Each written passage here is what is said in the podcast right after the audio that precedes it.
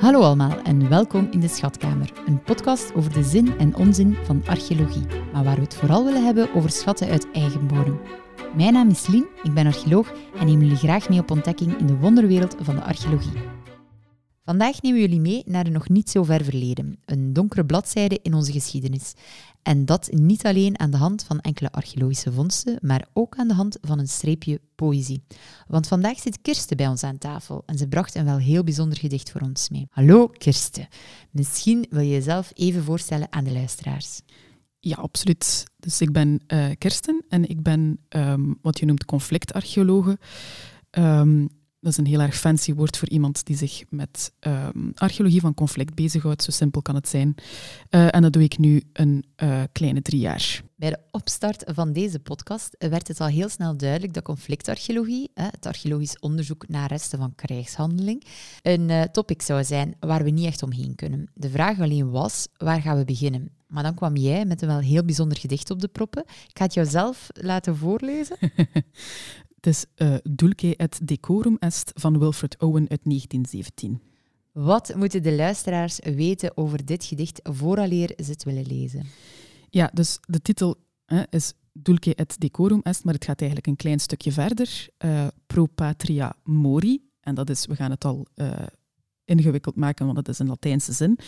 Um, dat is niet uitgevonden in de Eerste Wereldoorlog. Dat is eigenlijk een uh, citaat van Horatius, dat is een Romeinse dichter. En dat vertaalt eigenlijk uh, losjes naar het is uh, goed en zoet te sterven voor het vaderland. Nu, het concept van te sterven voor het vaderland, zeker in de Eerste Wereldoorlog, heeft dat wel bepaalde andere connotaties gekregen. En Wilfred Owen um, heeft geschreven over de gruwelijke dood van een soldaat bij een gifaanval mm -hmm. tijdens de Eerste Wereldoorlog. En hij wilde eigenlijk met het gedicht aantonen uh, van jongens, allez, dat ziet er zodanig gruwelijk uit. En sterven voor het vaderland, ja, allemaal wel schoon op papier, maar in de praktijk um, laat dat toch littekens na, zowel voor degene die sneuvelt als voor degene die het moet zien. En hij heeft het dus gezien en daar een gedicht over geschreven. Ja. Het bestaat ook in een moderne Nederlandse vertaling okay. uh, van Tom Lanois. Oké. Okay. Ah, dat, is wel, ja, dat is misschien ook wel fijn om, uh, om de vertaling er dan eens bij te ja, nemen. Absoluut.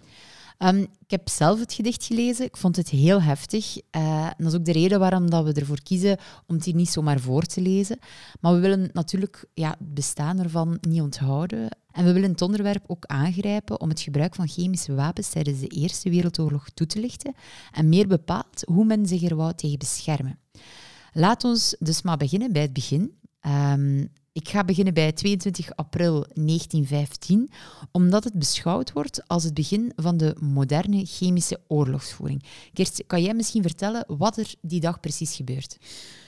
Ik kan het... Uh, ik was er natuurlijk niet zelf bij, uh, maar ik kan het wel proberen te vertellen. Um, dus op 22 april 1915 wordt, uh, zoals je al zei, beschouwd um, als het begin van de moderne chemische oorlogsvoering, maar ook um, vooral op grote schaal. Dus gassen zijn wel al uh, ingezet, uh, maar eerder in een soort van testfase. Um, en op 22 april 1915, um, wat doet het Duitse leger? Zij gaan uh, op een afstand van enkele kilometer metalen gasflessen eigenlijk gewoon op een rij naast elkaar zetten en zij gaan die, ze wachten op gunstige wind en ze gaan die gewoon opendraaien. nu, ik ga niet te veel in detail treden over hoe gas en zo werkt, maar het, het, was dodelijk gas. Dus ze hebben chloor, chloorgas laten ontsnappen. Um, dus je moet je dat voorstellen, als chloorgas ontsnapt, wordt dat een soort van groenige wolk. Okay. En um, in de Eerste Wereldoorlog wordt toch alleszins gezegd dat uh, de geallieerden, met de geallieerden bedoel ik de Engelsen, Fransen en de Belgen, die nog konden strijd leveren in een kleine uh, gedeelte België dat nog niet was bezet, ze wisten er ergens wel van dat dat ging komen, maar ja. Het waren meer geruchten die waarschijnlijk allee, via via. geruchten, ja. en, maar ze hadden wel ergens een, een, gezien dat er een bestelling was die, die heel erg groot was. En wat betekende dat? En, maar goed, dus op die beruchte dag 22 april zagen ze uh, op de frontlinies een gigantische groene wolk de frontlinie, waar, waar, moeten we ons die op dat moment De frontlinie liep eigenlijk van Nieuwpoort tot uh, ja, technisch gezien in Gallipoli in Turkije. Dus dat was eigenlijk één lange uh, frontlinie. Uh, wij moeten dat ons hier voorstellen rond Ypres. Oké. Okay. Um, Dus de beruchte hyperboog. Ehm, dus het Britse leger ziet, en het Franse leger ook in de gedeelte, ziet een gigantische groene wolk op zich afkomen. En bon, ja, wat gebeurt er? Help, help. Maar zij weten op dat ogenblik ook niet wat de effectieve betekenis van die groene wolk is, nee, toch? Nee, wat is dat? Wat gaat er gebeuren? Wat komt er op ons af? De effecten daarvan beginnen duidelijk te worden, want je ogen beginnen daarvan te tranen. En um, je, ja, je longen uh, ja, gaan daar gewoon aan, aan, uh, aan, aan kapot. Dus je stikt. Okay. Uh, ja, ik denk dat het enorm angstig moet zijn um, als je voor het eerst te maken krijgt uh, met, met, iets dat op je afkomt, iets dat je ook fysiek ervaart. Ja. Um, en waar dat ook heel snel duidelijk van werd dat er ook op dat ogenblik niks tegen te doen was. Nee. Um, ik las ergens dat in augustus 1914 de Franse troepen reeds gebruik hadden gemaakt van traangasgranaten, maar dat dat niet zo'n groot, ja, tussen aanhalingstekens, succes bleek te zijn. Ja. Maar na het gebruik van chloorgas volgde ook nog het gebruik van fosgeengas um, en mosterdgas, of ook wel allee, ja, hoe dat wij dat kennen als iperiet. Um, nu, het gifgas kostte tijdens de oorlog vele tienduizenden soldaten het leven. Um, het werd ook wel niet voor het eerst gebruikt tijdens de Wereldoorlog, of de Eerste Wereldoorlog. Maar daar hebben we het misschien een andere keer over hebben. Ja. Um, wat het belangrijkste is, dat het nu voor het eerst op zo'n grote schaal ja, ingezet klopt. werd. Ja, ja, um, en dat het vooral de manier van oorlogsvoering ging gaan beïnvloeden. Kan je daar misschien iets meer over vertellen? Wel, op die moment wordt eigenlijk op de grote schaal inzetten van gas, alles wordt anders. Uh, omdat we niet meer gericht, bijvoorbeeld met een geweer of met een machinegeweer, op elkaar gaan beginnen schieten. Maar we gaan eigenlijk, als je dat zo kan noemen, op een manier onpersoonlijker omgaan met Mhm. elkaar uh, ja, te vermoorden. Uh, omdat je weet eigenlijk niet goed waar dat het gas naartoe gaat en je Ja. laat het maar los. En, en eigenlijk een, een leuke petite histoire hierbij ook wel is dat de Duitsers eigenlijk het succes van hun eigen aanval een beetje hadden onderschat. Dus er is een bres van een vier à zestal kilometer geslagen in de frontlinie. Um, Amai. en ze hadden orders om door te stoten en hadden ze nog meer, ja, toch nog meer gebruik gemaakt van het succes van hun eigen gasaanval, had het verloop van de oorlog er misschien heel anders uit kunnen zien. Op Um, basis van eigenlijk het eer, allee, die eerste de grote aanval. omdat ze niet wisten wat. Ja, eh, ze wisten gewoon niet wat er op hen afkwam. Ja. Dan zijn het eigenlijk bijvoorbeeld Canadese eh, regimenten die eh, het gat hebben proberen te dichten. En dat is ook gelukt. Maar ja, dat is natuurlijk een beetje speculatie. Maar hadden de Duitsers dan nog efficiënter gebruik gemaakt van die grote bres? Wie weet wat, ja, wie weet wat was er gebeurd in de loop van de oké, oorlog. Ehm, er zijn daar ook ehm, ongelukken mee gebeurd met dat gas, omdat zoals ik het al zei, hè, was dat eh, gewoon de flessen opendraaien en op goed Mhm. geluk, de wind zit goed en laat het gas maar, maar gaan naar de, ehm, naar de andere linies. Maar aan het front in Frankrijk hebben de Britten dat ook gedaan. Die dachten, ah, wat wacht, gas, dat kunnen wij ook. Eh, maar de wind is gedraaid. En het gas is gewoon over de eigen linies teruggespoeld, eh, met alle gevolgen van dien. Nu, Ehm, eh, die, die ja. gasaanvallen, die moesten ze echt gewoon... Dat waren op dat ogenblik nog niet echt bommen. Eh, Nee, nee, dat nee, was echt gewoon flessen met de Flessen hand met. Ja, opendraaien. Met de hand opendraaien, absoluut. En dan inderdaad, met dat die ongelukken zijn gebeurd, dachten ze, "Wauw, misschien moeten we dat toch iets praktischer gaan aanpakken. Dan Eh, hebben ze het beste van het slechtste het beste gecombineerd. van het slechtste. Voilà. Oké, amai. Ehm, nu, ja, dat is een beetje vraag en antwoord in die zin. ehm, ze, er wordt iets ontwikkeld, er wordt een, een, een nieuw soort aanval ontwikkeld, ehm, maar het duurt niet zo lang dat eh, de, de troepen, ook aan, langs beide zijden natuurlijk, ehm, ook gaan inzetten op een antwoord te bieden. Eh, Ja, voilà. en, en dat is ja, door middel van beschermingsmiddelen. nu, Voilà. hoe bescherm je jezelf tegen een gasaanval? Ehm, de allereerste bescherming ehm, wordt gezegd, dat heeft niet geholpen, dus is dat ze op een doek eh, gingen plassen en dat voor hun mond gaan houden. Eh, ja, dus zoals ik al zei, dat hielp niet. Hè. Ehm, en dan zijn ze ehm, brillen en, en eh, dergelijke meer. En ook ietsjes betere doeken. De Black Veil heette dat langs Britse kant. Is eigenlijk, zoals het het zegt, een zwarte doek voor de mond. die een beetje gefilterd was, zodat het toch een beetje de schadelijke stoffen tegenhield. Nu echt top-notch was dat nu ook niet. Eh, dus eigenlijk zoals dat hoe snel dat het gas zich ontwikkelde, want uiteraard kwamen ze om de zoveel tijd met wel nieuwe soorten Mhm. ehm, eh, aanzetten. En er zijn er veel te veel om hier eh, op in te gaan. Maar je hebt dodelijke, je hebt irriterende, je hebt... Ja, want misschien is belangrijk alles. om te weten, als we het gaan hebben over de beschermingsmiddelen, ehm, welke impact heeft het gas? Of waar gaat het, ja, welke delen van ons lichaam gaat het eigenlijk gaan, gaan ja, aantasten? Ja, voilà. Eh, je hebt vooral je hebt de ogen, de longen, eh, je hebt bijvoorbeeld irriterende gassen waar je van gaat braken. Oké. Dat was ook een, een, eh, een, een, een toffe tussen aanhalingstekens die ze ontwikkeld hebben. Dat was dan de bedoeling dat je, je braakneigingen kreeg, waardoor dat je je gasmasker... Hè, want nu loop ik al een beetje vooruit op de feiten. uiteindelijk hebben ze een gasmasker natuurlijk ontwikkeld voor zich Ja. tegen te beschermen. En dan dachten ze, ah ja, maar ja, nu zijn ze beschermd tegen ons gas. Daar gaan we ook iets op moeten vinden. Dus je kan het eigenlijk zo gek niet bedenken. Of langs beide kanten van de oorlog ontwikkelden ze het wel. En op eh, zeer korte tijd. Met wisselend succes. Met wisselend succes, uiteraard. Ehm, en bijvoorbeeld die braakgassen, dan kreeg je de neiging om je gasmasker af te zetten. Van ja, want ik moet, ja, goed, ik moet braken. Het is nu eigenlijk echt niet aangenaam om dat binnen je eigen gasmasker te doen. Je stikt daar ook van, want er is niet genoeg ruimte. Eh, dus dan gingen ze dat afzetten. En op het moment dat ze wisten dat ze gingen afgezet worden, dat het effect van die braakgassen eh, ging komen, dan kwamen de dodelijke. En je had dan net je gasmasker af en dan kreeg je een dodelijke lading gas van Ja. eender welke soort eh, binnen. Dus eigenlijk, de moment dat ze zagen dat er oplossingen waren voor het gas, kwamen ze wel met een nieuwe soort Amai, aanzetten. Nu, ehm, ja, luisteraars die misschien aan het, aan het wachten zijn eh, op eh, het archeologische luik in dit verhaal. Ehm, ja, die gasmaskers, dat is natuurlijk iets wat wij ook terugvinden, of toch delen van terugvinden, Ja, tijdens eh, archeologisch onderzoek. Ehm, kan je een paar voorbeelden daarvan geven? Ja, dus ik had het al gehad over eh, die doeken. Nu, textiel dat bewaart zeer slecht, dus Mhm. daar eh, vinden we sporadisch wel eens iets van terug, maar niet zoveel. Ehm, dus we hebben eerst de doek voor de mond. En daar, ik heb het al gezegd, hè, dat dat ook invloed had op de ogen. Dus Ja. gingen ze ook anti-gas goggles, zoals dat eh, in mooi Brits heet. Eigenlijk eh, ja, een soort van pilotenbril. Dus een soort van leren lap eh, rond je ogen, met uiteraard glaasjes in, zodat je wel nog zag waar dat je naartoe moest. Oké. En dergelijke glazen hebben we gevonden ehm, in de buurt van Boezingen. En Boezingen ligt net ten noorden van Ypres.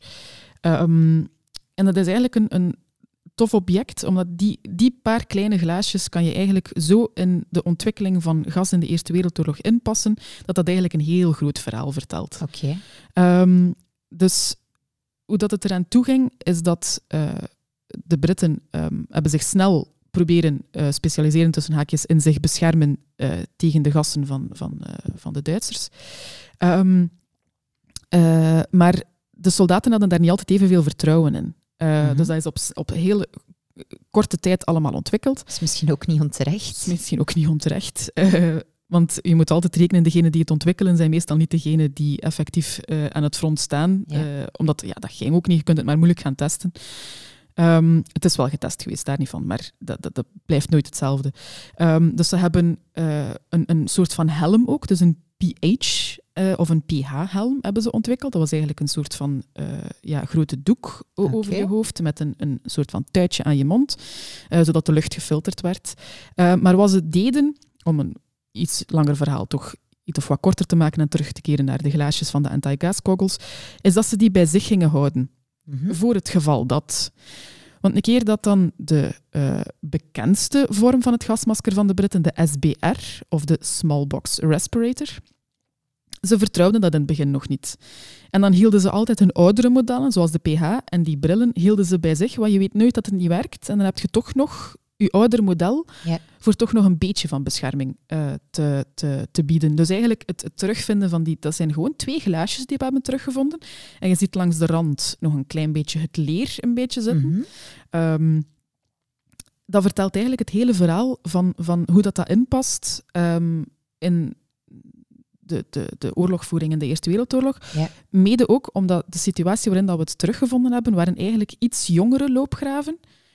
En de brillen werden daarvoor al gebruikt. Ja. Dus het kan bijna niet anders dan dat het eh, heeft toebehoord ooit aan een soldaat die het nog als reserve bij zich had. Ja, dus eigenlijk ehm, de situatie waarin het gevonden werd, is niet meer de situatie dat de, dat de brilletjes op de markt kwamen, Ja, om het zo te zeggen. Voilà, voilà. Maar die werden gewoon als, als reservemateriaal toch nog meegenomen. Want voor je moest weet het, nooit. Ja, voor moest het huidige, ehm, allee, de huidige beschermingsmiddelen eh, toch niet meer werken. Voilà, voilà, voilà. Ja, Want voor de SBR hadden ze nog de LBR, je zou het maar denken, de Large Box Respirator. En dat Ja. was een model dat heel kort op de markt is geweest en dat toch een paar ja, mankementjes had. Eh, large Box, de clue is in the name.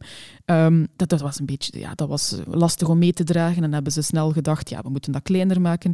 En zeker in, in die ontwikkelingen, dat je als soldaat te pas en te onpas nieuwe Mhm. apparatuur kreeg, of helemaal geen apparatuur kreeg, of bon, eh, iets navenant.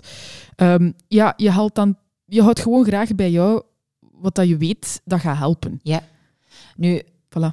ehm, bij, bij een gasaanval is het kwestie van een, een paar seconden Ja. eh, om, om uw, ja, uw gezicht eh, te beschermen, om uw luchtwegen Mhm. te beschermen of af te schermen ehm, van het, het, ja, het aankomende of het aandrijvende gas. Ehm, nu, het lijkt mij niet zo handig om al die zaken tijdig aan te trekken. Hoe, hoe namen ze dat met zich mee? Want zo'n soldaat die had toch... Allee, je uitrusting was al, was al heel uitgebreid. Ja, Als je dan ook nog eens en zo'n helm en een bril en...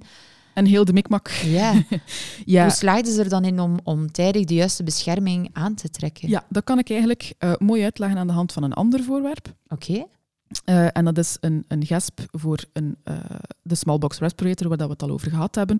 Maar specifiek voor de zak waarin dat het werd gedragen. Nu, het, het masker zelf ging op het gezicht. eh, en dan verliep er via je mond een, een hoe zou ik dat beschrijven, een, een slang. ehm, een soort tube. een soort tube, Ja. naar een, een, een doosje waarin dat er een filter zat. Dus er werd gefilterd met kooltjes en zo. En, en die filter werd in een zak gedragen. Ja, nu, er zijn verschillende manieren waarop dat je als soldaat eh, aan het front kan bewegen. Ehm, van het moment dat de helm opgaat, is het eigenlijk... Dan is het menens. Dan is, dan is het voor recht, om het zo te zeggen. Eh, en dan werd ook de zak met het gasmasker eh, rond de nek gedragen, met de knoop los. Dus dat ze geen tijd moesten verliezen om de knoop open te doen. Want dat is een halve seconde kostbare tijd die je verliest. En die, eh, de afstand rond de nek werd met een bepaalde gesp, en we hebben die teruggevonden eh, bij Proefsleuven, Ehm, de- die afstand werd ingesteld zodat dat exact op jouw maat was afgesteld en je ook niet nog eens een halve seconde moest verliezen om eigenlijk te ver te moeten gaan eh, grijpen eh, om je gasmasker uit die zak te kunnen Het halen. was dus van levensbelang dat je jouw persoonlijk gasmasker telkens in paraatheid bij jou Telkens droeg. in paraatheid, zeker eh, als het dichtbij eh, de eerste linies kwam. eh, en zeker in de eerste linies uiteraard. En dat, aan de Britse kant heette dat brace position. Oké. Dus dat was, hou je klaar, want het, de kans dat er gas gaat aankomen is, is elke minuut van de dag bestaand. Van, van de gasaanvallen zelf, ehm, vinden jullie daar iets van terug tijdens archeologisch onderzoek? Goh, van de gasaanvallen zelf. ehm, er staan bijvoorbeeld in, in de musea, eh, in het in Flanders Fields Museum staat er bijvoorbeeld in een welbepaalde hoek eh, van een kast, staat er één van de flessen eh, die de Duitsers hebben gebruikt. Bij dat- eerste aanval dan? Bij de eerste Ja. aanval, ja, klopt. Dus bij de eerste waar dat ze gewoon het wielken hebben opengedraaid Ja. en laat maar gaan. Nu, dat is ja, echt archeologisch. Dat is nooit opgegraven. Hè. Dat, dat is ergens overgeleverd van iemand naar iemand naar iemand die dat gevonden heeft. Ehm, van de gasaanvallen zelf is het eigenlijk vooral het beschermingsmateriaal dat we Ja. terugvinden, maar ook eh, in grote getalen munitie. Oké, dus Eh, wanneer het de gasaanval door middel van gasbommen ja, werd, eh, werd ingezet, Ja. dan, dan vinden we daar nu nog de munitie zelf van terug. Absoluut. En die zijn tot op de dag van vandaag mogelijk schadelijk. Absoluut.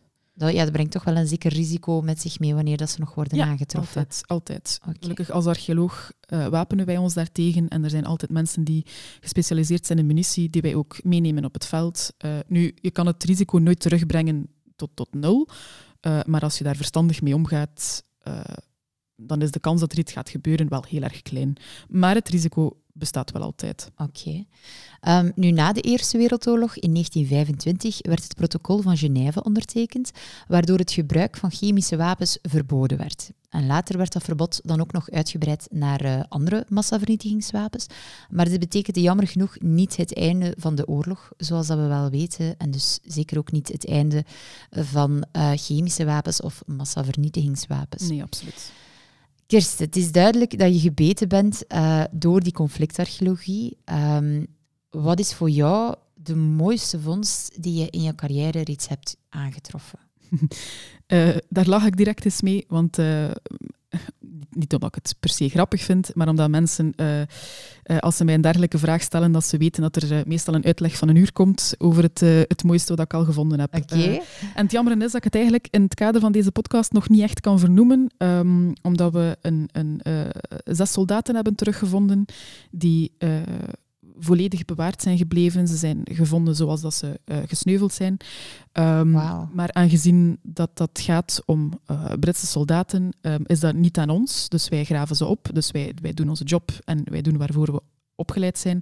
Maar dan, is dat, dan geven wij dat uit handen, omdat okay. dat niet de nationaliteit is uh, waar dat wij ons om bekommeren. En dan gaat dat eigenlijk over in ik zeg nu wel Britse handen, omdat het om Britse soldaten ging, maar het land van, uh, van herkomst of de nationaliteit van de soldaat. En dat land neemt dan het onderzoek over. En het is nog lopende. Okay. Dus ik kan er verder, uh, hopelijk heel snel, maar ik kan er voor de moment nog geen andere uitleg over geven. Helaas. Nee, maar misschien wel, uh, wel stof tot, uh, tot een volgende podcastaflevering. Hopelijk, hopelijk. Dan kunnen we er nog eens naar verwijzen. Ik vind, ik vind het wel heel interessant, omdat je zegt van de, de nationaliteit uh, is van belang. Stel nu dat het zes Vlaamse of Belgische soldaten waren geweest. Um, dan was het, het verhaal misschien iets anders. Dan... Goh, eigenlijk niet, want dan gaat het eigenlijk ook gewoon naar uh, het, het, het, het leger, ja. uh, het Belgische leger, okay. dan gewoon, of het Belgische ministerie van... Dus uh, het archeologisch... wel heel weinig dat er Belgen worden gevonden. Het archeologisch onderzoek begint eigenlijk bij het aantreffen van de resten en dan loopt totdat de opgraving afgerond is. Ja, en, en dan, dan wordt, nemen wij contact ja. op. Uh, eigenlijk gaat het eerst via de politie. Wij nemen contact op met de politie en eigenlijk stopt ons werk daar. En de politie neemt dan via uh, het War Heritage Institute, noemt dat, uh, zij nemen dan contact op met het land van herkomst van de soldaat. En daar ja. stopt het eigenlijk. Dan is het hun um, goodwill als ze aan ons iets laten weten. Meestal gebeurt dat wel hoor. We hebben ja. goede contacten met de, met de meeste landen. maar daar stopt het eigenlijk voor ons. Maar het is wel, het is wel mooi, hè? want het is, het is natuurlijk het is een, een heel ander verhaal met, met oudere of andere archeologische vondsten, uh, want het gaat nog altijd over, ja, over mensen. Um, mensen die gestorven zijn bij een, een, ja, het uitoefenen van een heel bijzondere taak. Ja. Maar uh, wat dan misschien ook belangrijker is, is dat het vaak om mensen gaat die nog levende nabestaanden hebben. Ja, voilà. En dat is ook de reden waarom dat ik er niet verder over wil, wil, wil uitweiden, gewoon uit respect. En omdat het in het verleden al gebeurd is, dat het, het nieuws was uitgelekt, dat er een bepaald lichaam was gevonden, dat ja. er een naam aan was gegeven en dat dat foutief was. Oh. Dus de familie had zich dan ja, verheugd om, om een, een lang verloren oom of grootoom of zo, dan, hè, die dan geïdentificeerd was en het was niet waar. Oh, en dat is iets wat dat ja, ik zou het zelf helemaal niet willen meemaken. Dat ze mij zeggen dat mijn, ik zeg maar iets, mijn overgrootvader is teruggevonden. Um, en dat dat gewoon niet, niet klopt. Dus nee. het is daarom dat we daar heel omzichtig mee proberen omgaan. En het gaat inderdaad om mensen, het gaat om uh, mensen die nog familie hebben. Um, en dat maakt het toch het, het, ja, dat tikkeltje specialer. Ja, het is, het is vooral ook heel bijzonder om te weten dat die, dat die mensen nog steeds, dat die soldaten, um, het is altijd ja, iemands vader, het is altijd iemands kind geweest. Voilà. dat die tot op heden nog altijd kans maken om, om terug ja, naar huis te gaan. Hè. Ja. Uh, dan maakt het wel heel mooi. Um, nu, wat staat er dan nog op jouw verlanglijstje? Um, eigenlijk um, staat het een beetje los van soldaten op zich, want ik heb uh, buiten, uh, buiten archeologie om ben ik heel erg hard bezig met dierenwelzijn en dergelijke, maar specifiek voor honden. En er, er, is een, een, een leuze die zegt they also served. En dat gaat dan specifiek over dieren. En dan bedoel ik bijvoorbeeld postduiven. Uh, die, die werden van ene front naar het andere werden gestuurd om berichten over te brengen. Paarden die gebruikt werden om munitie rond te dragen. Uh, honden die ook als boodschapper werden gebruikt. En niet alleen als boodschapper, maar soms ook als de enige compagnon die je nog een beetje had ja. binnen de loopgraven. Um, er is daar al een beetje over geschreven. Um, we zijn begonnen met een gedicht. Uh, en er is nog een gedicht dat waarschijnlijk bekender is dan dit. En dat is In Flanders Fields van John mm -hmm. McCrae. En er is een boek, uh, er is onderzoek gedaan... Um, naar zijn paard, naar John McCrae zijn paard. Dat heet The Ja. Bonfire. Ehm, En uh, dat was volgens wat beschreven werd over John McCrae, was dat eigenlijk een van de, de, de enige momenten van klein geluk die John McCrae had, is als hij met Bonfire zijn paard kon bezig zijn. En, en volgens wat de onderzoeker uh, die, die het boek heeft geschreven dacht, uh, is normaal gezien als een, als een... Dus John McCrae is gestorven. Um, En normaal gezien gaat uh, het, het paard, als, als een soldaat een persoonlijk een paard bezit, gaat dan normaal gezien terug en wordt dat opnieuw ingezet, ergens anders aan het front. Ja. Maar omdat zijn, zijn strijdmakkers ja, die band zo speciaal vonden tussen, tussen mens en dier, um, vermoeden ze dat ze het paard hebben opgekocht en het eigenlijk op pensioen hebben gezet, waarschijnlijk ergens in Frankrijk of zo. Uh. Dat is niet zeker, maar het wordt wel vermoed. Uh, en dat is iets wat dat in, in mijn ogen nog niet genoeg wordt benadrukt en ook nog niet echt is gevonden, maar dat is iets wat ik heel graag uh, zou doen. Uh, is bijvoorbeeld, ja, moest er een, een, hond of zo gesneuveld zijn in de loopgraven, om dat dan ook met uh, zo mogelijk evenveel respect te behandelen Ja. als de soldaten die we terugvinden. Want de soldaten op zich, ik zou durven zeggen, ze hadden een keuze. Dat is natuurlijk, dat staat helemaal open voor debat. Maar de dieren al helemaal niet. Nee, nee dat is waar. Nee, ja, dat, is, dat is inderdaad... Ja, dat sluit misschien een beetje aan ook met, met het besluit dat de archeologische vondsten, hoe klein dan ook, um, ja, bijna altijd een interessante toevoeging zijn op de verhalen die we reeds kennen. Um, we kennen heel wat uh, oorlogsgeweld, maar uh, voor mij is dat sinds een nieuw gegeven om te weten dat er ook zoveel dieren gediend hebben Absoluut. aan het front. Um, zeker in het geval van conflictarcheologie zijn er vaak nog veel bronnen overgeleverd. Uh, maar we merken dat bij archeologisch onderzoek dat veel van die bronnen gekleurd zijn. Uh, die hadden ook een bepaald doel voor ogen. En dat de realiteit soms toch wel nog anders moet geweest zijn. Specifiek in dit geval, hè, uh, ik keer eventjes terug naar onze vondsten die we vandaag besproken hebben. Ja, dat blijven tastbare herinneringen aan de 10.000 soldaten, of tienduizenden soldaten, die gesneuveld zijn door het gas. En de vele anderen die er misschien niet onmiddellijk het leven doorgelaten hebben, maar wel blijvend getekend zijn. Um, is het niet uh, ja, door het zien van het sterven van hun strijdmakkers. Uh, het is omdat ze op, op latere leeftijd alsnog geveld werden door de schade ja. die het gas had toegebracht. Absoluut. Um, Kirsten, ik wil jou enorm bedanken voor deze bijdrage. Het was geen gemakkelijk onderwerp, maar het voelde wel aan als een verhaal dat moest verteld worden. Um, ik ben Lien, dit was de Schatkamer. Bedankt voor het luisteren en tot een volgende aflevering.